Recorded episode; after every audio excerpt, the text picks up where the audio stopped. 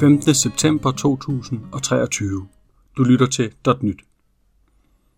I de sidste to afsnit har jeg givet en introduktion til GPT, og vi har talt om, hvordan man faktisk bruger det til udvikling af applikationer. I dag skal vi tale om, hvad man så egentlig kan bruge det til. Der er mange misforståelser. Mange tror for eksempel, at man bare kan sende den en masse dokumenter og lydfiler, og så kan den lige bruge sin magiske kunstige intelligens til at finde hoved og hale i det. Og det kan jeg godt forstå, for alt det, det kan man også, hvis man kombinerer forskellige teknologier. Og nogle af dem er baseret på kunstig intelligens, men ikke sprogmodeller.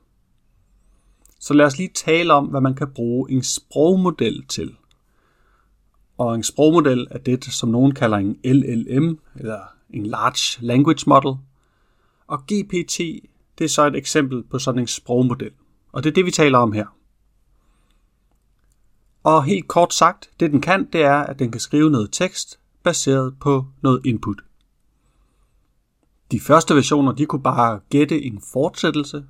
Man kunne skrive 1, 2, 3 til dem, og så ville den svare med 4. Og man kunne også skrive, der var en gang, og så ville den måske svare med en mørk og stormfuld aften. Øh, gennembruddet kom, da modellerne blev trænet til instruktioner og især den variant, som de selv refererer til som chat. Og her er øh, GPT jo en af de bedste i sit felt. Så hvis man har prøvet øh, ChatGPT, så har man en vis forståelse af, hvordan det virker. Men lad os nu tale om, hvordan man bruger det til sin applikation.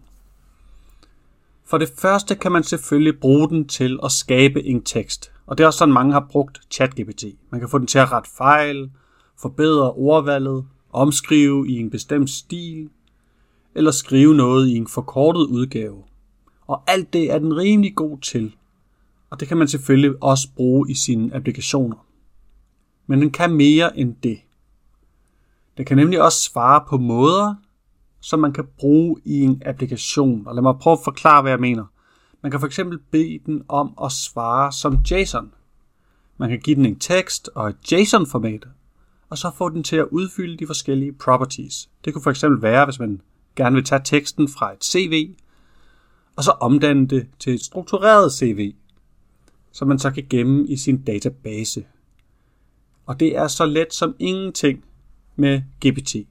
Man kan også få den til at give en vurdering af sit eget svar på en struktureret måde. Det kan man gøre ved at bede den om at svare som JSON med to properties. Den ene property er så selve svaret på spørgsmålet, og så er der en property, hvor den selv evaluerer, hvor godt svaret var. Det kan man bruge i rigtig mange situationer. For eksempel kan man bruge det som en fleksibel løsning på en lang række andre AI-værktøjer, som vi kender fra andre situationer. Øh, det kunne for eksempel være sådan noget som sentiment analysis. Og det er altså øh, give den en tekst, og så lade den vurdere, hvilken følelse personen havde, som skrev teksten. Var han sur eller glad? Og den gør det ikke bedre, end et menneske ville have gjort, men den gør det fint nok, og det kan man jo så bruge til at klassificere for eksempel reviews eller henvendelser, og finde de bedste eller de dårligste. Så for lige at opsummere, altså man kan bruge den til at generere noget tekst, og man kan også bruge den til diverse vurderinger af tekster.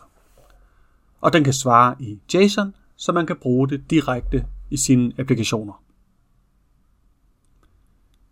Det er essensen af det, og det var alt, hvad jeg havde med for i dag. Og det er samtidig sidste afsnit om GPT i denne omgang. De sidste tre afsnit, inklusive det her, det har været hundredvis af timers leg og erfaring med udvikling af GPT, som jeg har presset ned på 15 minutter. Så der er selvfølgelig mange flere detaljer, som man kan hygge sig med og opdage undervejs, når man leger med det. God fornøjelse.